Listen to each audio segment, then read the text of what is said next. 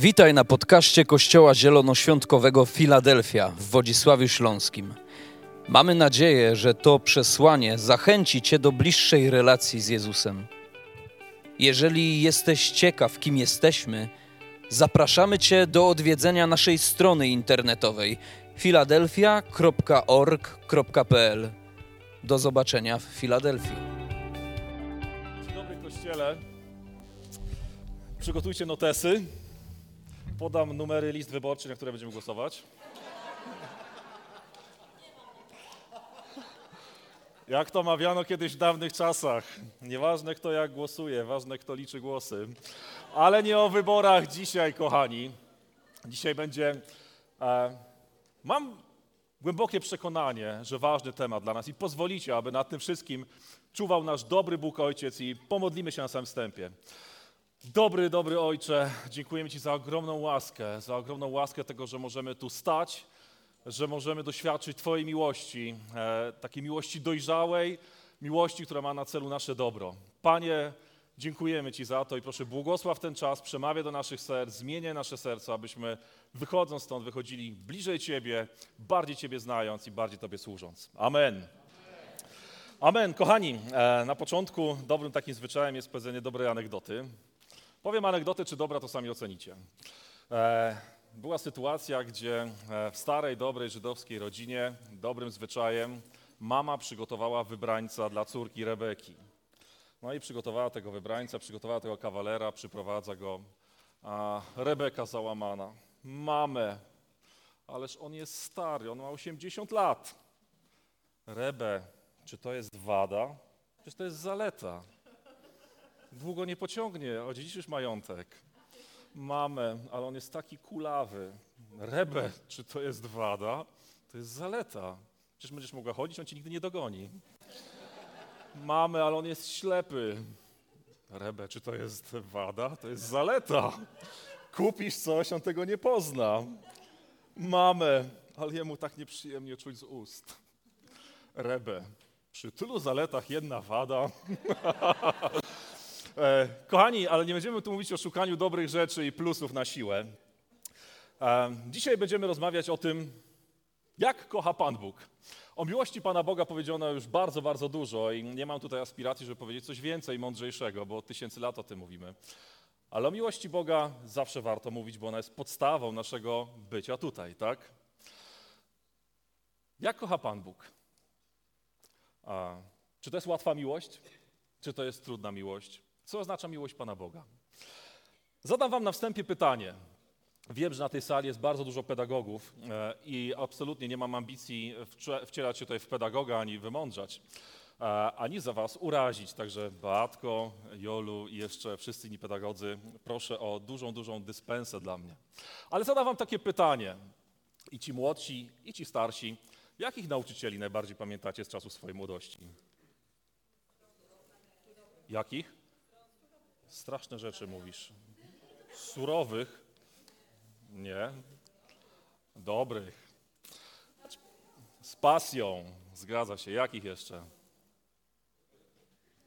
Lila, powiem tak, twoja odpowiedź mnie bardzo usatysfakcjonowała, bo się koresponduje z tym, o czym będę mówił. Ja pamiętam nauczycieli takich surowych. E, surowych, ale oczywiście to jest duży skrót myślowy, takich wyrazistych, zdecydowanych.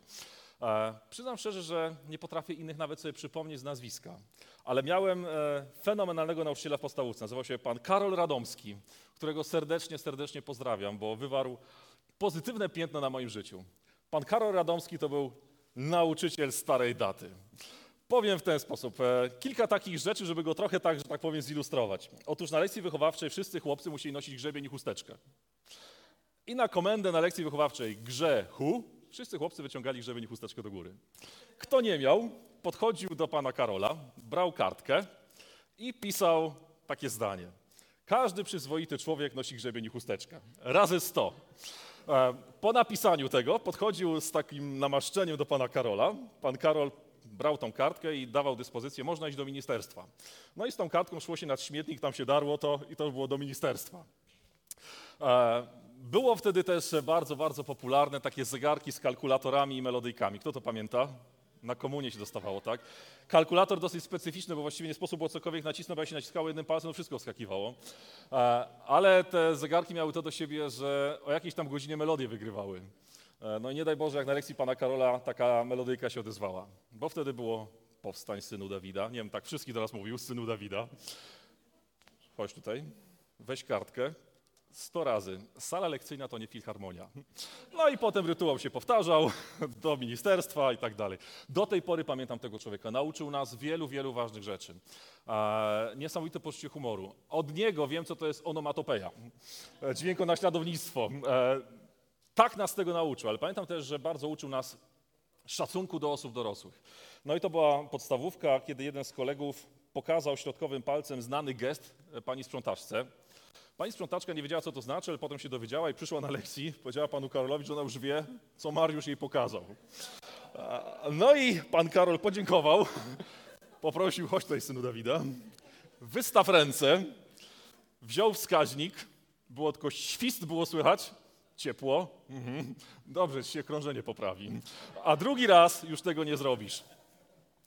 Kochani, oczywiście dzisiaj w dzisiejszych realiach pewnie nikt by sobie nie zgodzi, nie zgodził się na to, żeby w szkole tego rodzaju praktyki stosować, ale myślę, że większość z nas pamięta też takich nauczycieli.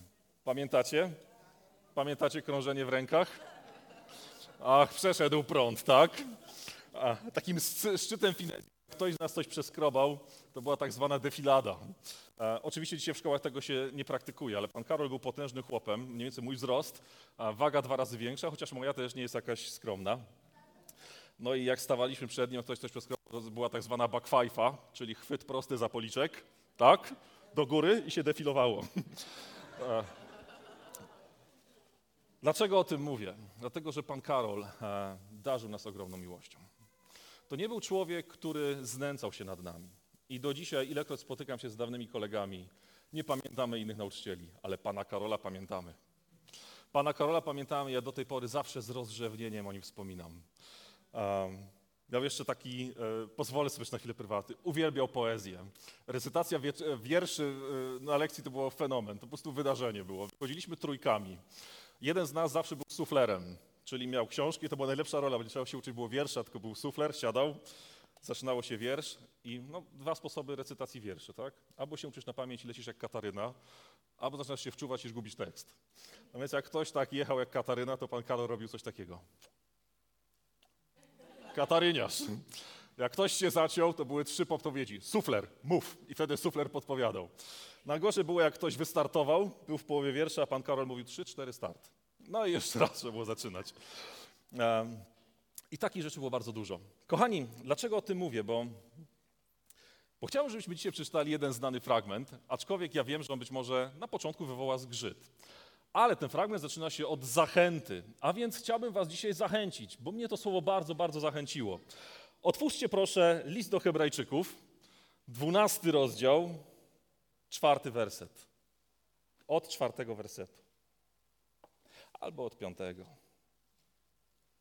od piątego. Będziemy się dzisiaj zachęcać i chciałem, żeby to słowo, a, cokolwiek dalej się będzie działo, na, jakiekolwiek na początku będziecie mieli skojarzenia, a, uprzedzenia, złe skojarzenia, to pamiętajcie, że celem tego słowa jest zachęta. I tak też zaczyna autor listu do Hebrajczyków. Dwunasty rozdział, piąty werset. Całkowicie zapomnieliście też o czym? O zachęcie, kto odnosi się, która odnosi się do was jako do synów. No i teraz zaczyna się creme de la creme. Synu mój, nie lekceważ i nie zniechęcaj się, gdy on wytyka ci co? Błędy. Bo kogo Pan kocha, tego karci i okazuje surowość wobec każdego syna, którego darzy uznaniem. Cierpliwie znoście karcenie, jest ono dowodem, że Bóg obchodzi się z wami jak z synami. Bo nie ma syna, którego by ojciec nie karcił. Jeśli nie jesteście karceni tak jak wszyscy, to jesteście dziećmi nieprawymi, a nie synami.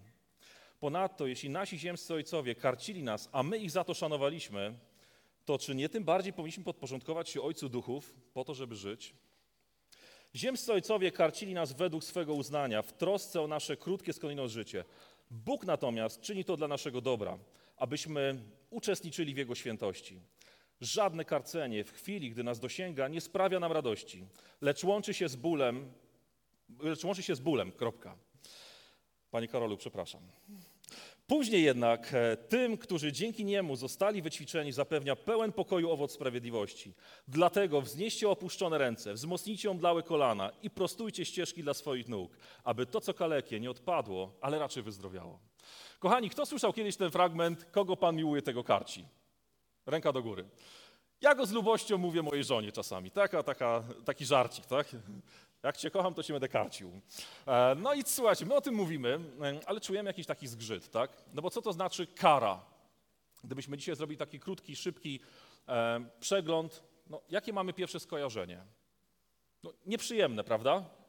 Kto ma przyjemne skojarzenie? Gdybym teraz zachęcił wszystkich młodych ludzi, młodszych od nas, kochani, ja was zachęcam, będzie super, wrócicie i będzie kara. To kto będzie zachęcony? Mamy skojarzenie, ale tak naprawdę to skojarzenie bardzo często wypływa, jesteśmy trochę mm, owocem naszych dzisiejszych czasów, tak? Dlatego, że wychowanie dzisiaj, e, no powiem baną, no wychowanie bezstresowe, każdy to słyszał, tak? I oczywiście nie będę tutaj mówił o wychowaniu bezstresowym, ale dzisiaj dla nas pojęcie kary e, jest czymś bardzo pejoratywnym, bardzo negatywnym, czymś nieprzyjemnym. No bo mamy bardzo proste skojarzenie kara jako jakiś rodzaj zemsty, jakiegoś wyrównania rachunków, odpłaty, jak kara, to z reguły jest sędzia, jest podsądny, e, jest coś przykrego, jakiś rodzaj odwetu. Macie takie skojarzenia? Czy kojarzycie karę z czymś dobrym, z miłością, z kimś, kto kocha? Ręka do góry, kto tak kojarzy? Dzięki. Proszę wyprowadzić już tego pana. Dlaczego tak jest? E, dlatego, że w dzisiejszych czasach tak naprawdę bardzo mocno ukuło się i oddzielenie tego pojęcia kary od czegoś bardzo dobrego. Żyjemy w czasach, w których kara ma naprawdę bardzo negatywne znaczenie, ale chciałbym Was e, zaprosić właśnie do takiego krótkiego przyjrzenia się temu fragmentowi, no bo można powiedzieć, że autor ma jakiś rodzaj schizofrenii albo szaleństwa, tak? A teraz będę Was, kochani, zachęcał. Będę Was zachęcał tym, że Pan Bóg Was kocha i będzie Was karał. Dziwna relacja ojciec-dziecko, prawda? Kogo to zachęca? Gdybym powiedział, słuchajcie, będziemy teraz karani wszyscy. No nikogo, tak? E, mnie też na początku nie, e, to nie zachęcało, bo kara zawsze kojarzy się, kojarzyła mi się z czymś nieprzyjemnym. Kochani, żeby teraz zrozumieć, dlaczego autor tak e, naprawdę szczerze mówi, że to nas zachęci, musimy na to spojrzeć w dwojaki sposób. Przede wszystkim, do kogo się tutaj zwraca autor? Do kogo się odnosi ta zachęta? Do Was jako do synów. Pierwsza rzecz, e, drogi przyjacielu, jeżeli nie stałeś się jeszcze synem i córką, dzieckiem Boga, to na razie chcemy Cię zachęcić tym fragmentem, żebyś dołączył do grona Bożej rodziny. Po pierwsza rzecz najważniejsza, o której e, teraz będziemy mówić i która sprawia, że ten tekst jest zachętą, jest radością, to jest przede wszystkim spojrzenie na to, że to nie jest sytuacja między sędzią, prokuratorem i podsądnym. To jest relacja pomiędzy, to jest relacja w rodzinie.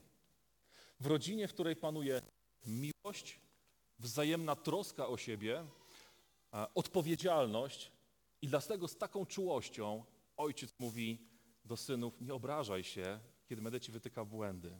Nie obrażaj się, kiedy będę ciebie karał. Dlaczego? Bo mam na celu twoje dobro. I chciałbym was zaprosić do tego, żebyś przede wszystkim, jeżeli nie podjąłeś tej decyzji, na końcu będziemy się modlić o to, żebyś stał się dzieckiem Bożym, uwierzył w ofiarę Jezusa Chrystusa i mógł powiedzieć z czystym sumieniem i z ogromną radością do Boga Ojcze, tatusiu. Jeżeli już zrobiłeś to, to ten fragment jest w 100% dla ciebie. Bo dzisiaj możesz powiedzieć, tatusiu, ojcze, dziękuję Tobie, że naprawdę Tobie na mnie zależy. Bo o jakim ojcu mówimy? Zobaczmy sobie tą rodzinę. I oczywiście nie będę tutaj pokazywał obrazka świętej rodziny, bo nie o to chodzi. O jakim ojcu mówimy? Stałeś się częścią rodziny. Wszedłeś i nawiązałeś relację między ojcem, można jego mówić tatusiu, abba ojcze, a dzieckiem. Jaki jest nasz ojciec? Pokazał nam to e, Jezus, tak, pokazując charakter. Ale chcę, żebyście przeczytali jeden fragment i może zamknęli nawet oczy i spróbowali zobaczyć Ojca, który wie o was pewne rzeczy.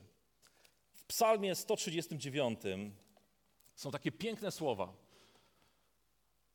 o Bogu, co on o nas wie, kim jest ten ojciec, jaka jest relacja bliskości e, wobec nas. W psalmie 139 psalmista pisze tak. Panie, zbadałeś mnie i znasz. Sam wiesz, kiedy siedzę i kiedy wstaję. Rozumiesz moją myśl z daleka. Wyznaczasz mi marszrutę i spoczynek. Jesteś świadom wszystkich moich dróg. Tak, choć jeszcze nie mam słowa na języku, Ty już je znasz, Panie, całe. Ogarniasz mnie z tyłu i z przodu i kładziesz na mnie swą dłoń. Mówimy tu o relacji, o rodzinnej relacji, kiedy ojciec dogłębnie, do najdrobniejszego do szpiku, do najdrobniejszego nerwa Twojego czy nerwu Twojego jestestwa zna Ciebie na wskroś. Jeszcze nie wypowiesz słowa, on już o Tobie wszystko wie. Ale co najważniejsze, to nie jest inwigilator, który sprawdza, co Ty wiesz i co myślisz. Ale zobaczcie, jaka czułość i ciepło tam jest. Otaczasz mnie z przodu i z tyłu i kładziesz na mnie swą dłoń. To jest ojciec, który zna swoje dziecko od podszewki, ale jest w tym ogromna czułość i miłość. Znam Ciebie i co z tego wynika? Wiem, co jest dla Ciebie dobre. Wiem, czego potrzebujesz. Wiem, jakie są Twoje mocne strony dzisiaj i wiem, jakie są słabe. Wiem, jakie są Twoje szanse i wiem, gdzie się kryje ryzyko. Więc o takiej relacji rodzinnej mówimy. Kiedy Bóg zwraca się do nas, do synów, do dzieci, to mówi właśnie z czymś takim. Boguś, Jolu, Arku, znam Cię na wskroś. Kładę na Tobie przyjacielsko i z miłością swoją rękę. I o tym musimy pamiętać, kiedy czytamy ten fragment. Ja dzisiaj, kiedy, e, kiedy czytałem ten fragment, to mogę powiedzieć, że występuję w dwóch rolach. Kiedyś byłem karcony przez mojego tatę. E, do dzisiaj pamiętam, jak dostałem takim pasem wojskowym, tata powiedział takie dziwne rzeczy dla mnie. E, Leszku, robię to, bo cię kocham. W mojej głowie się to kompletnie nie kleiło.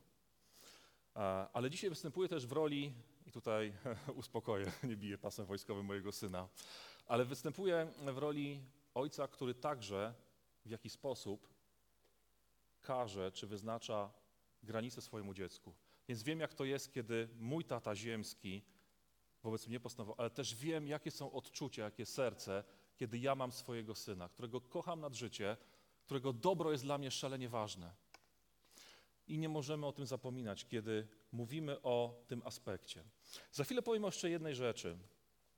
A więc pamiętajmy o tym, że Ojciec zna nas dogłębnie i Ojciec chce dla nas najlepszego dobra. On nas stworzył, On nas zna e, i On wie, czego tak naprawdę potrzebujemy. Nie jest Mu obojętne, co się z Tobą będzie działo.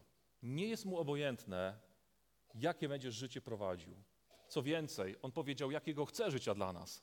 Powiedział, że chce życia pełnego obfitości, pełnego błogosławieństwa. To jest ojciec, który oddał swojego jednorodzonego syna, aby ten umierał na krzyżu. Apostoł Paweł bardzo pięknie pisze, jakże ten Bóg, który oddał swojego jednorodzonego syna, dzisiaj nas miałby nie obdarzyć wszelkim błogosławieństwem. A więc mamy do czynienia z Bogiem zakochanym w nas po uszy. Z Bogiem, który kocha nas szaleńczo z Bogiem, który oddał wszystko, co miał naj, e, najcenniejsze, swojego jedynego syna, po to, żeby z nami nawiązać relacje. Z Bogiem, który nas zna od podszewki. Z Bogiem bardzo wrażliwym. Jest taki fragment w księdze Jeremiasza, była też taka pieśń śpiewana w kościołach. Wysłuchajcie mego głosu, e, jeśli nie usłuchacie mnie, do niewoli poślę was. Kto to zna? To były takie słowa, które mnie zawsze przejmowały. Jeśli nie usłuchacie mego głosu, do niewoli, do niewoli poślę was, i w ukryciu będę płakał. W Jeremiasza jest, czyńcie to, co nakazuje, tak? W Jeremiasza jest powiedziane, że gorzkimi łzami się będę zalewał. A więc nie jest to człowiek, sędzia z jakimiś, ojciec z jakimiś zaburzonymi potrzebami. To nie jest ktoś, kto wywiera zemstę. To nie jest ktoś, kto wyrównuje rachunki. To jest ktoś, kto płacze, kiedy musi podjąć trudne decyzje i gorzkimi łzami się zalewa. Chcę Was teraz, e, jeszcze zanim pokażę Wam, czy zaproszę Was do jednej scenki, czym jest to słowo karanie, tak? W liście, czy w Księdze Objawienia sam Jezus też mówi, kogo kocham, tego wychowuję i chłoszczę, tak? Abyś się opamiętał. Słowo paideia, ja oczywiście nie znam greki, więc mam nadzieję, że go nie przekręcam, ale w pierwszym znaczeniu ma wydźwięk korygowanie korygowanie. Dzisiaj dla nas ono jest trudne, ale dla ludzi starożytnych korygowanie, karanie, takie wskazywanie błędu było czymś bardzo naturalnym. Dlatego myślę, że oni nie mieli tego rozważania, które my dzisiaj mamy na wstępie, tak? E, to było czymś naturalnym dla starożytnych Żydów, Rzymia, Rzymian, Greków. Człowiek, który się uczył, dziecko, które się uczyło, było czymś normalnym, że jest też nagroda, ale jest, jest też i kara. To słowo paideia bardziej w pierwszym znaczeniu pokazuje korygowanie. Korygowanie, wskazywanie na błąd, ale w celu jego korekty. Kształtowanie, ugniatanie, kruszenie, także w dalszych znaczeniach no, biczowanie, tak? ale to, to już w takich naprawdę dalszych znaczeniach. A więc można powiedzieć, że ojciec mówi, synu, mój kochane dziecko, nie gniewaj się, nie obruszaj, kiedy będę ciebie korygował. Ponieważ cię kocham, miłością dojrzałą. Teraz wyobraźcie sobie jedną scenkę. E, przenieśmy się do dzisiejszych czasów. Jest dwóch nastolatków. Mm, I tak ta scenka będzie bardzo, bardzo przejaskrawiona, celowo przejaskrawiona, także mm, miejmy to na uwadze. Pierwsza scenka, pierwszy człowiek, gdy z dwóch nastolatków, jeden nastolatek mówi, ale ja mam fajnego tatę. A jak tylko dowiedział się, że biorę dopalacze, to mogę się na jego pełne zrozumienie. On wie, jakie są koszty dopalaczy. Więc jak tylko się o tym dowiedział, pobłogosławił mi tym, że zwiększył mi kieszonkowe. No bo oczywiście te dopalacze są drogie, e, a ja też mam swoje wydatki. Mój tata jest naprawdę kochany. Zwiększył mi dwukrotnie e, kieszonkowe, powiedział, że jeżeli ceny dopalaczy wzrosną, dalej mi pobłogosławi, dalej będzie mi zwiększał kieszonkowe, także mam się tym nie martwić. Co więcej, jako że to trochę tam wpływa na mnie, mam się też nie martwić nieobecnościami w szkole. E, zawsze wystawi mi usprawiedliwienie, da mi takie, że tak powiem, alibi. E, I oczywiście ja oglądam telewizję, czytam gazety, wiem, co się dzieje po dopalaczach, ale mój tata jest naprawdę taki. To jest wysoko postawiony człowiek w mieście, w państwie, więc mam zapewnionych adwokatów. Gdyby się okazało, że pod wpływem dopalaczy coś rozwalę, e, zniszczę czyjeś mienia, bo zrobię komuś krzywdę, mogę liczyć na armię adwokatów, bo mój tata jest kochany i dobry. Wyślę adwokatów po to, żebym ja nie poniósł żadnych konsekwencji tego, co będę robił. E, I to jest mój tata. Drugi nastolatek mówi, kurczę, ja nie mam takiego fajnego taty. Mój tata, jak tylko poczytał, co to są te dopalacze, powiedział, e, najpierw pokazał mi, jakie są konsekwencje tych dopalaczy. Pokazał mi, że to mnie niszczy. E, pokazał mi wszystkie historie, które zakończyły się dramatycznie. E, ale wiecie, no jak to ze starymi, tak? Człowiek z innej epoki, co on tam wie? I kiedy tylko dowiedział się o tym, że dalej biorę te dopalacze, powiedział, że obcina mi kieszonkowe. Naprawdę nie potrafię go zrozumieć. To jest człowiek bez serca. Jak ten ojciec w ogóle może mówić o jakiejkolwiek dobroci i miłości? Kompletnie mnie nie rozumie. W ogóle się zastanawiam, czy to jest mój ojciec. Powiem więcej, jak kolejny raz mnie złapał na tym, że dalej biorę te dopalacze i nie poszedłem do szkoły, nie chciał mi wystawić usprawiedliwienia. Ale najgorsze było to, że kiedy dokonałem pewnych zniszczeń, to zgodził się z sędzią, że mam wykonywać prace społeczne. Ten człowiek, ten ojciec ma serce z kamienia. Zróbmy pauzę i przenieśmy się z tymi ludźmi 10 lat do przodu.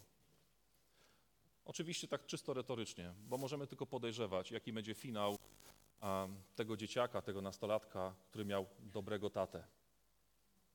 I finał człowieka, który być może spotkał się z murem, spotkał się z barierami, z konsekwencjami taty, który powiedział: Nie, ja nie będę patrzył, jak ty dziecko niszczysz swoje życie. Czujecie tą analogię? Ja myślę, że ta współcześniona i przeskrawiona analogia dużo nam mówi o Bogu i o Ojcu. Bo Bóg kocha nas miłością odpowiedzialną. Jesteśmy ludźmi grzesznymi. On, który zna nas od podszewki na wskroś, dobrze wie, co finalnie nam szkodzi, a co nie. I myślę, że jestem pewien, że my w swoim życiu wiemy, Duch Święty sumienie nam pokazuje, w jakich miejscach nasze życie jest jeszcze zatrute grzechem, gdzie tkwimy w złych rzeczach.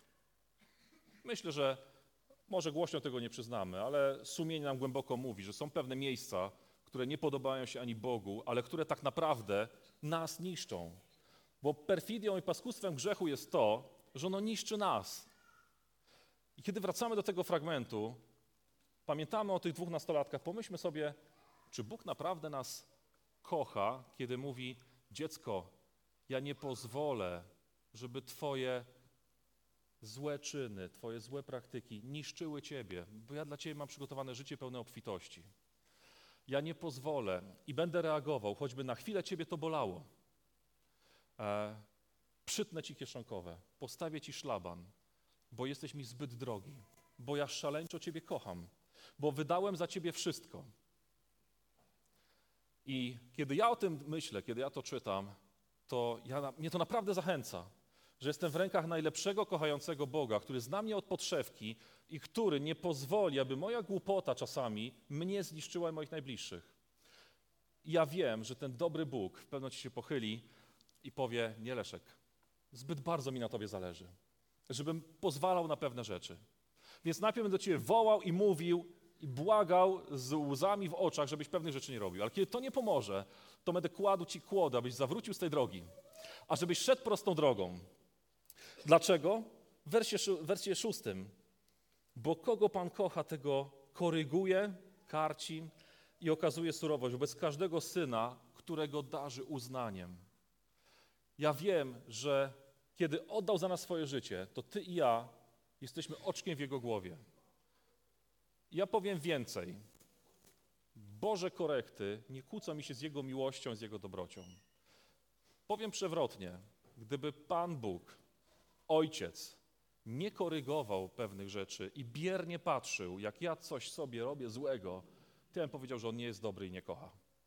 To dla mnie byłby ojcem właśnie jak tego pierwszego nastolatka. Gdyby nie reagował, to by nie kochał i nie byłby dobry, bo pozwalałby, abym niszczył swoje życie. Amen? Pan Bóg kocha nas dojrzale i odpowiedzialnie.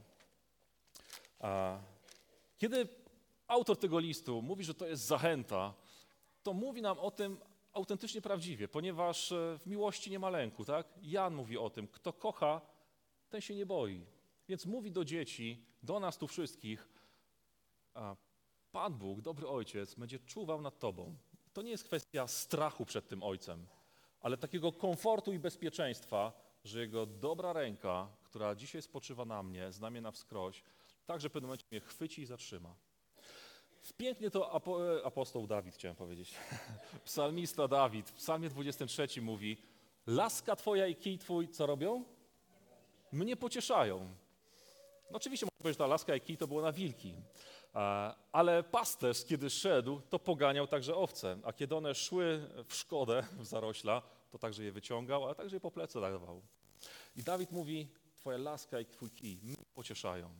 Autor listu do hebrajczyków mówi, traktujcie to jako zachętę. Cieszcie się tym. Ale będą momenty, gdzie to będzie bolało. I tak jak nie jestem pedagogiem, nie jestem też lekarzem, ale w tym fragmencie czytamy wyraźnie, że będą chwile, kiedy, kiedy spotkamy się z tą Bożą miłosną reakcją, to może chwilowo boleć. To może być nieprzyjemne. To jest trochę jak z bólem zęba. I teraz, Krzysiu, popraw mnie, ale od zęba może się zacząć, wiem, że nie zajmujesz się zębami, tylko innymi częściami ciała, też ważnymi, e, ale e, czy od zęba może się zacząć ogólna infekcja organizmu? Tak? To, to nie jest tylko kwestia e, jak u rebe nieświeżego oddechu, to jest kwestia być może całych tutaj uszkodzeń, ale także ogólnego zakażenia organizmu. Czy mając świadomość, że wyrwanie zęba będzie bolało, nie podejmiemy się tego wyzwania po to, aby nie dopuścić do okulnego zakażenia organizmu? To jest właśnie trochę tak jak z zębem. Czasem trzeba wyrwać, chociaż to bardzo, bardzo boli, ale tylko po to, ażeby nie doszło do rzeczy gorszych. Czasami Pan Bóg wyrwie cię z jakiejś relacji. Czasami postawi tobie tamę przed pewnymi rzeczami, które w danym momencie możesz odbierać jako coś bolesnego, krzywdzącego, ale Biblia mówi: nie zniechęcaj się. I nie obrażaj na Pana Boga, kiedy daje tobie taką korektę bo Jego celem jest dobro, Twoje dobro. E, I On jest gotów zrobić wszystko, ażeby do Twojego dobra doprowadzić. E, I to jest pełne miłości. To nie jest tak w Związku Radzieckim, że będziemy tak walczyć o pokój, że kamień na kamieniu nie zostanie. E, nie, On naprawdę zrobi wszystko, ponieważ dał już najcenniejsze rzeczy, które ma, rzeczy, przepraszam, syna swojego dał, ażebyś stał się jego dzieckiem jeżeli dał tak cenną rzecz, tak cenną osobę dla siebie, tak, tak wielkiej wartości dokonał, tak wielkiego gestu, to ja wiem, że on się nie zatrzyma, ażeby mnie ratować przed czasami moimi złymi decyzjami. Ja w swoim życiu też miałem taką, taki moment. E, ja wielokrotnie o tym mówiłem, ale był taki moment, kiedy e, po oddaniu swojego życia Panu Bogu, moje życie i relacja z Nim bardzo, bardzo zrobiła się letnia. Pozwalałem sobie nawet na takie szydercze czasami żarty. Powiem wprost, e, daleko mi było do Pana Boga. I wielokrotnie, wieloma sposobami Pan Bóg się o mnie przywoływał, wołał, posyłał różnych ludzi. Aż był taki moment, kiedy dotknął rzeczy najcenniejszej dla mnie, mojego syna. I cały ból polegał na tym, że o mało go nie zabiłem. Gdzieś tam przez swoją głupotę, e, biorąc wózek, nie zapinając go i ze schodów schodząc, wyleciał mi. A to był moment, kiedy potem płakałem jak bóbr, bo wiem, że to był ten moment, kiedy Pan Bóg, dobry pasterz, dobry ojciec, uderzył mnie swoją laską. To nie znaczy, że on sprowokował być może rzeczą, być może dopuścił do pewnych rzeczy, tak? Będzie tak, że Pan Bóg pozwoli Tobie ponieść konsekwencje Twoich złych rzeczy, swoich, Twoich złych wyborów. Tak jak trochę z tym ojcem, który być może na pewnym etapie pozwoli, żeby sąd Cię skazał na prace społeczne, ale tylko dlatego, żeby Cię w przyszłości sąd nie skazał za jakieś poważniejsze rzeczy. Być może przykręci kurek z błogosławieństwem na chwilę, ale tylko dlatego, że mu szaleńczo na Tobie zależy. Tylko dlatego, że nie jesteś mu obojętny, ani Ty, ani ja.